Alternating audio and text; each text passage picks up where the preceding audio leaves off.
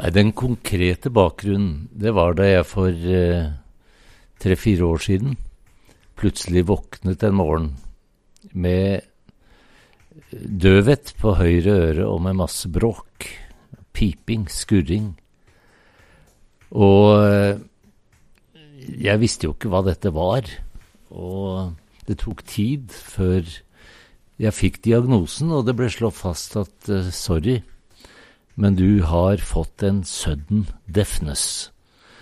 Det betyr altså at det har blitt en betennelse i sneglehuset i det indre øret som har gjort at jeg er blitt helt døv på høyre øre, og samtidig på det øret fått en veldig sterk tinnitus som aldri har tatt pause, og som jo kommer innenfra hjernen.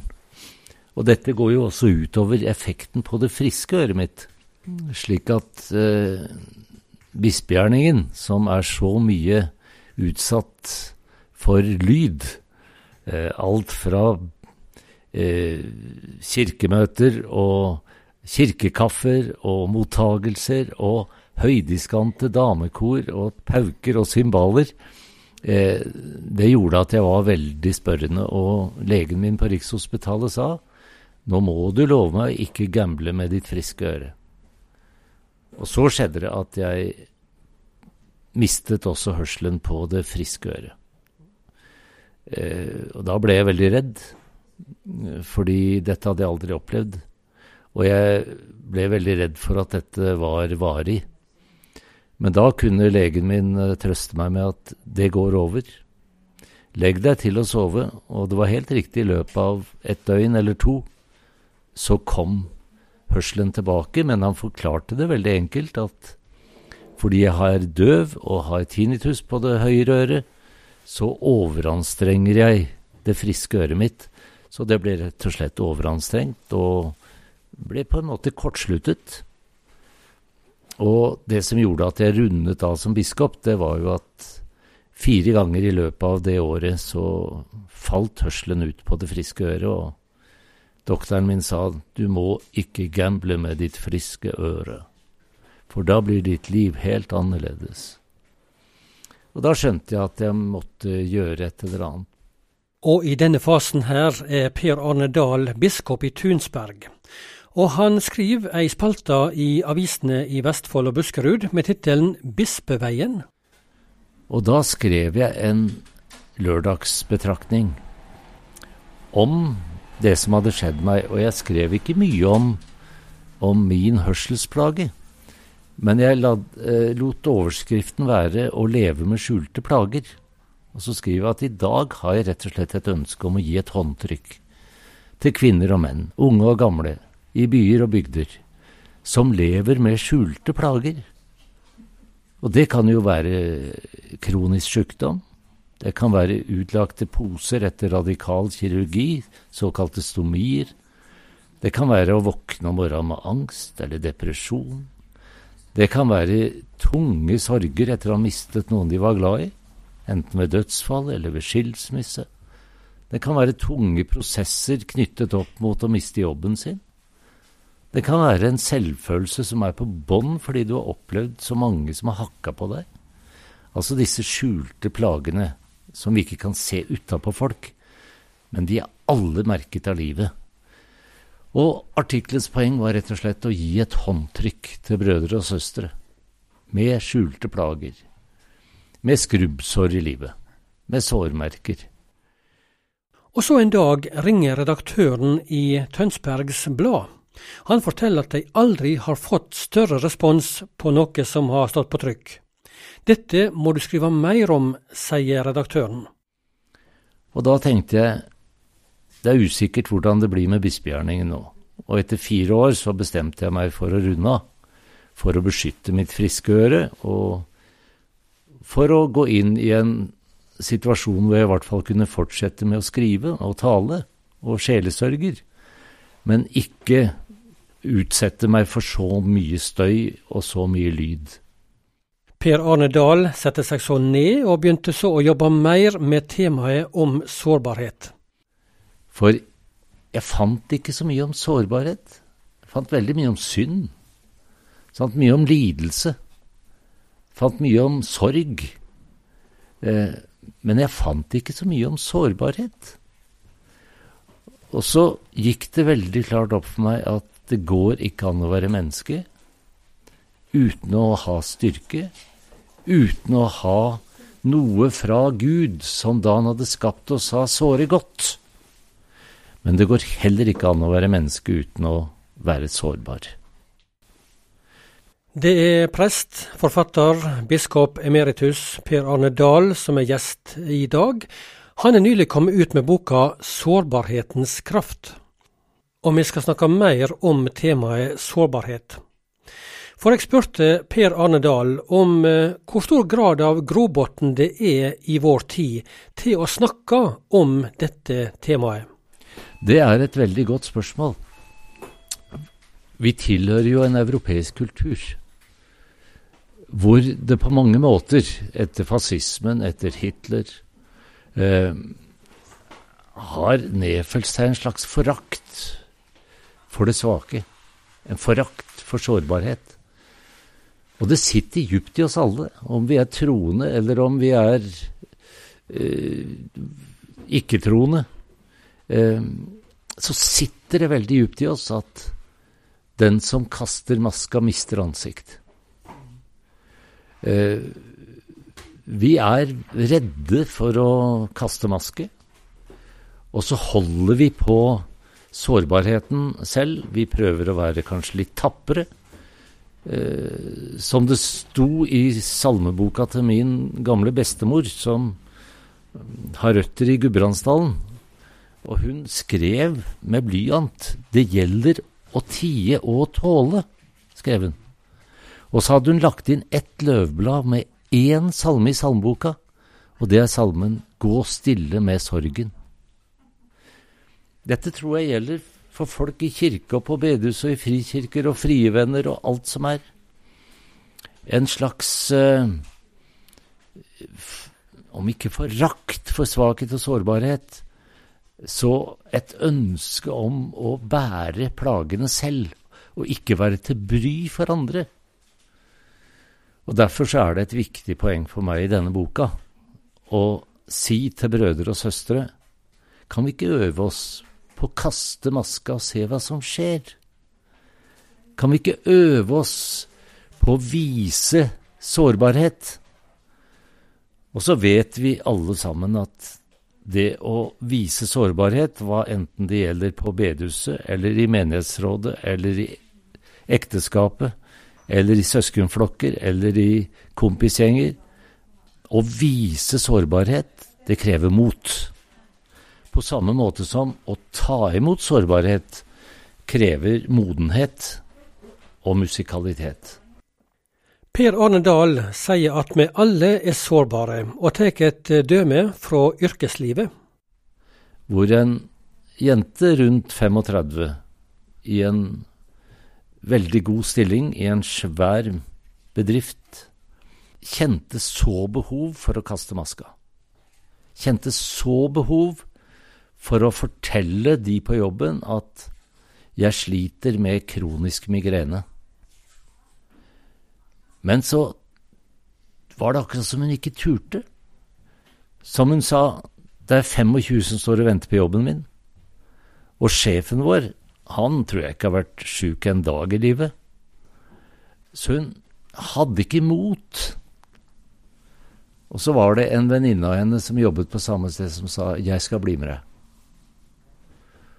Og så fikk hun delt denne sårbarheten sin overfor sjefen. Så fikk hun delt sårbarheten overfor de hun jobbet sammen med, og så ble hun under over under tatt imot. Og opplevde på en måte at sårbarhet ga legedom, altså. Fortell Per Arne Dahl, og pensa inn på bibelord fra profeten Jesajas bok slik vi leser om det hos profeten Jesajas.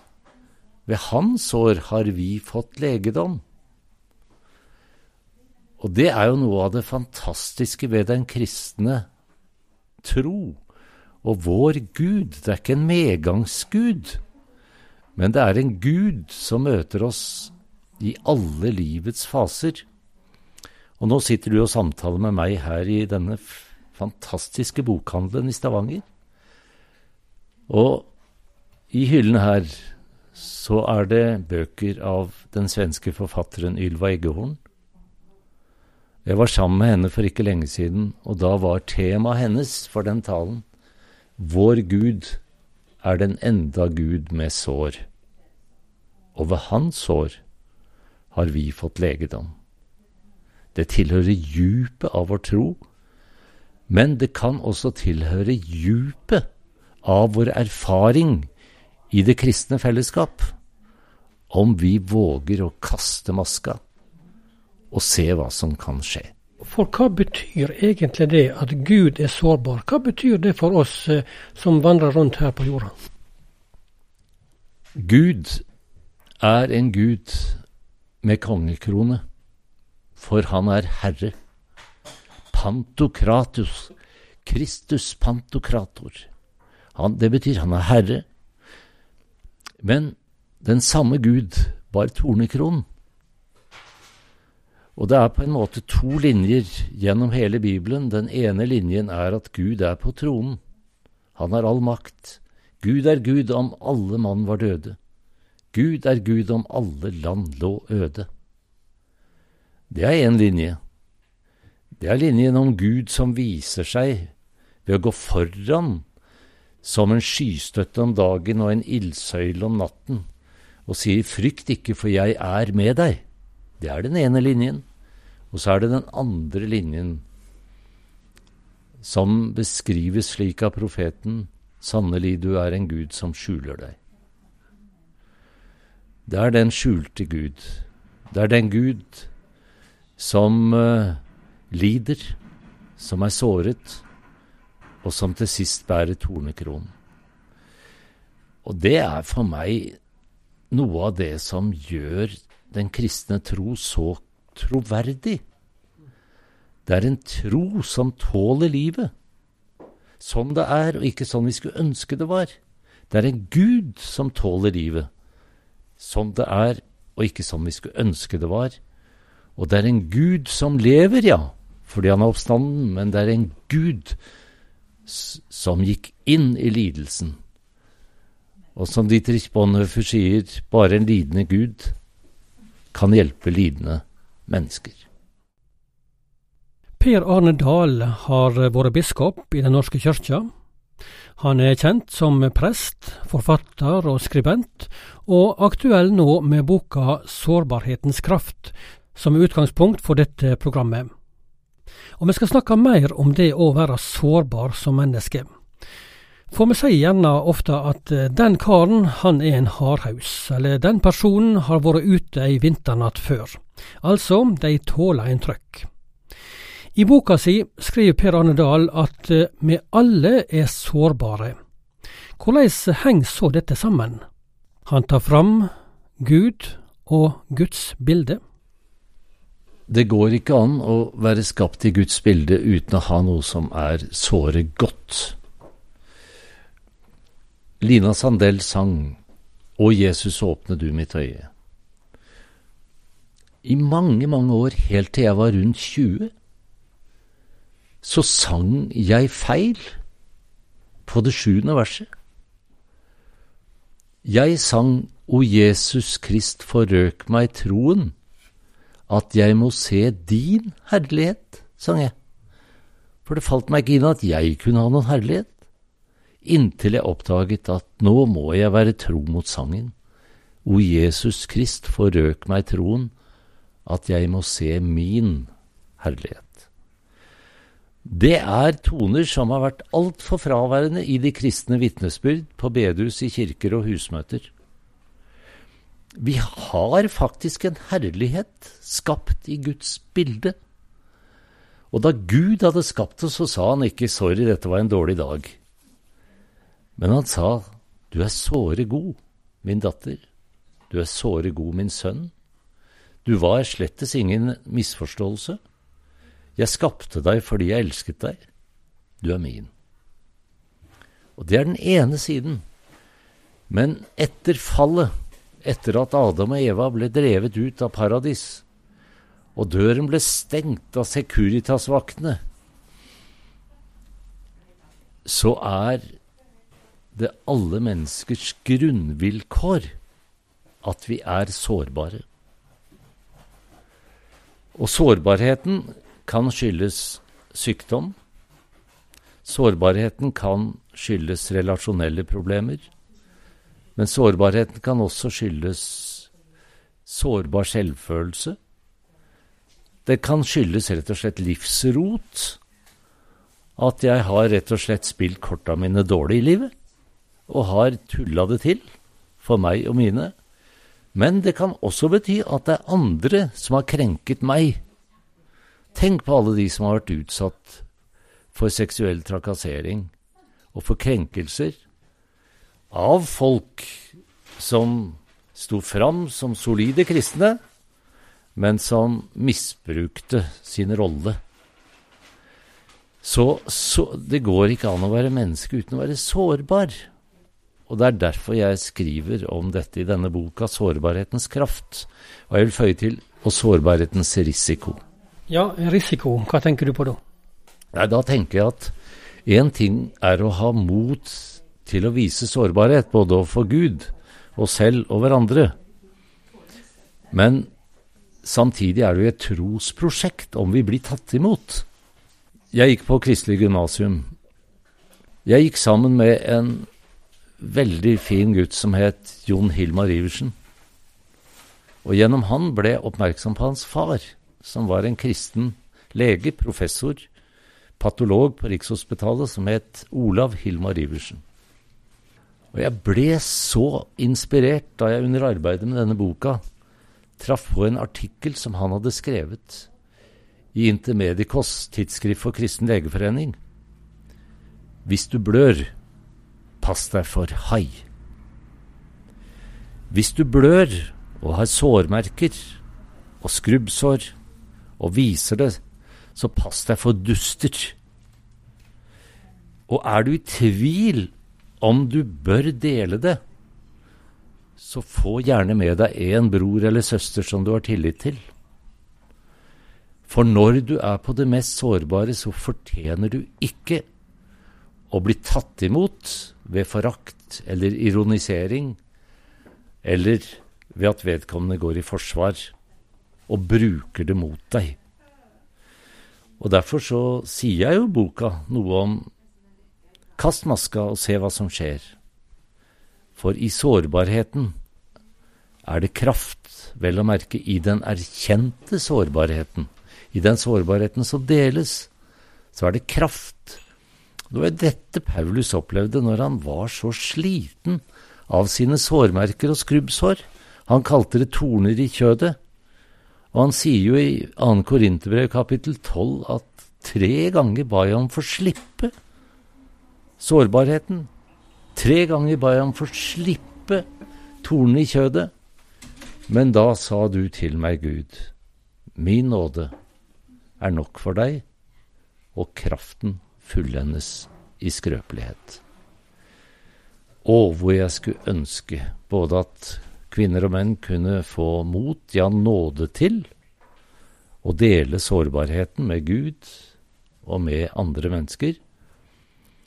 For det kristne fellesskap, vi må være så målbevisste og kresne at tilhører vi et kristen fellesskap, så skal det være et sted hvor vi får mot til å vise sårbarhet, men også møter modenhet og musikalitet og blir tatt imot når vi er sårbare.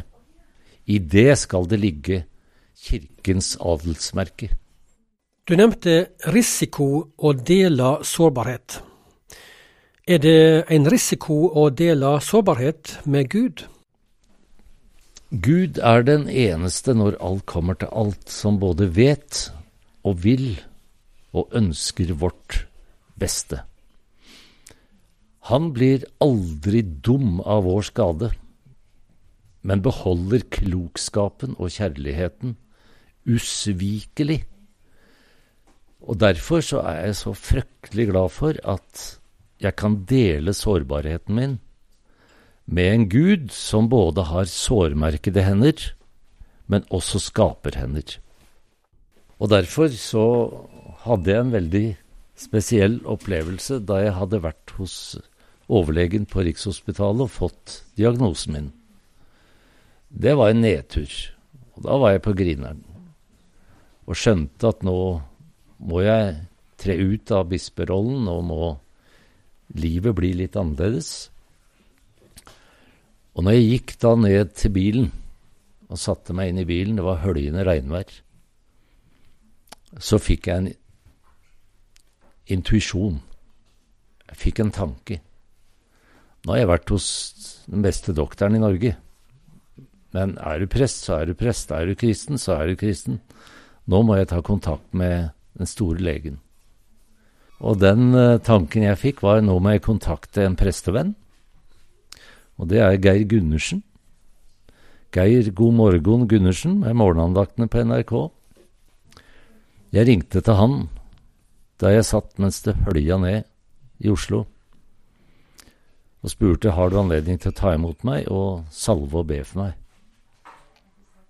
Og da sier Geir jeg er på hytta på Brunlandnes, og det er rett ved der jeg skulle, på vår hytte.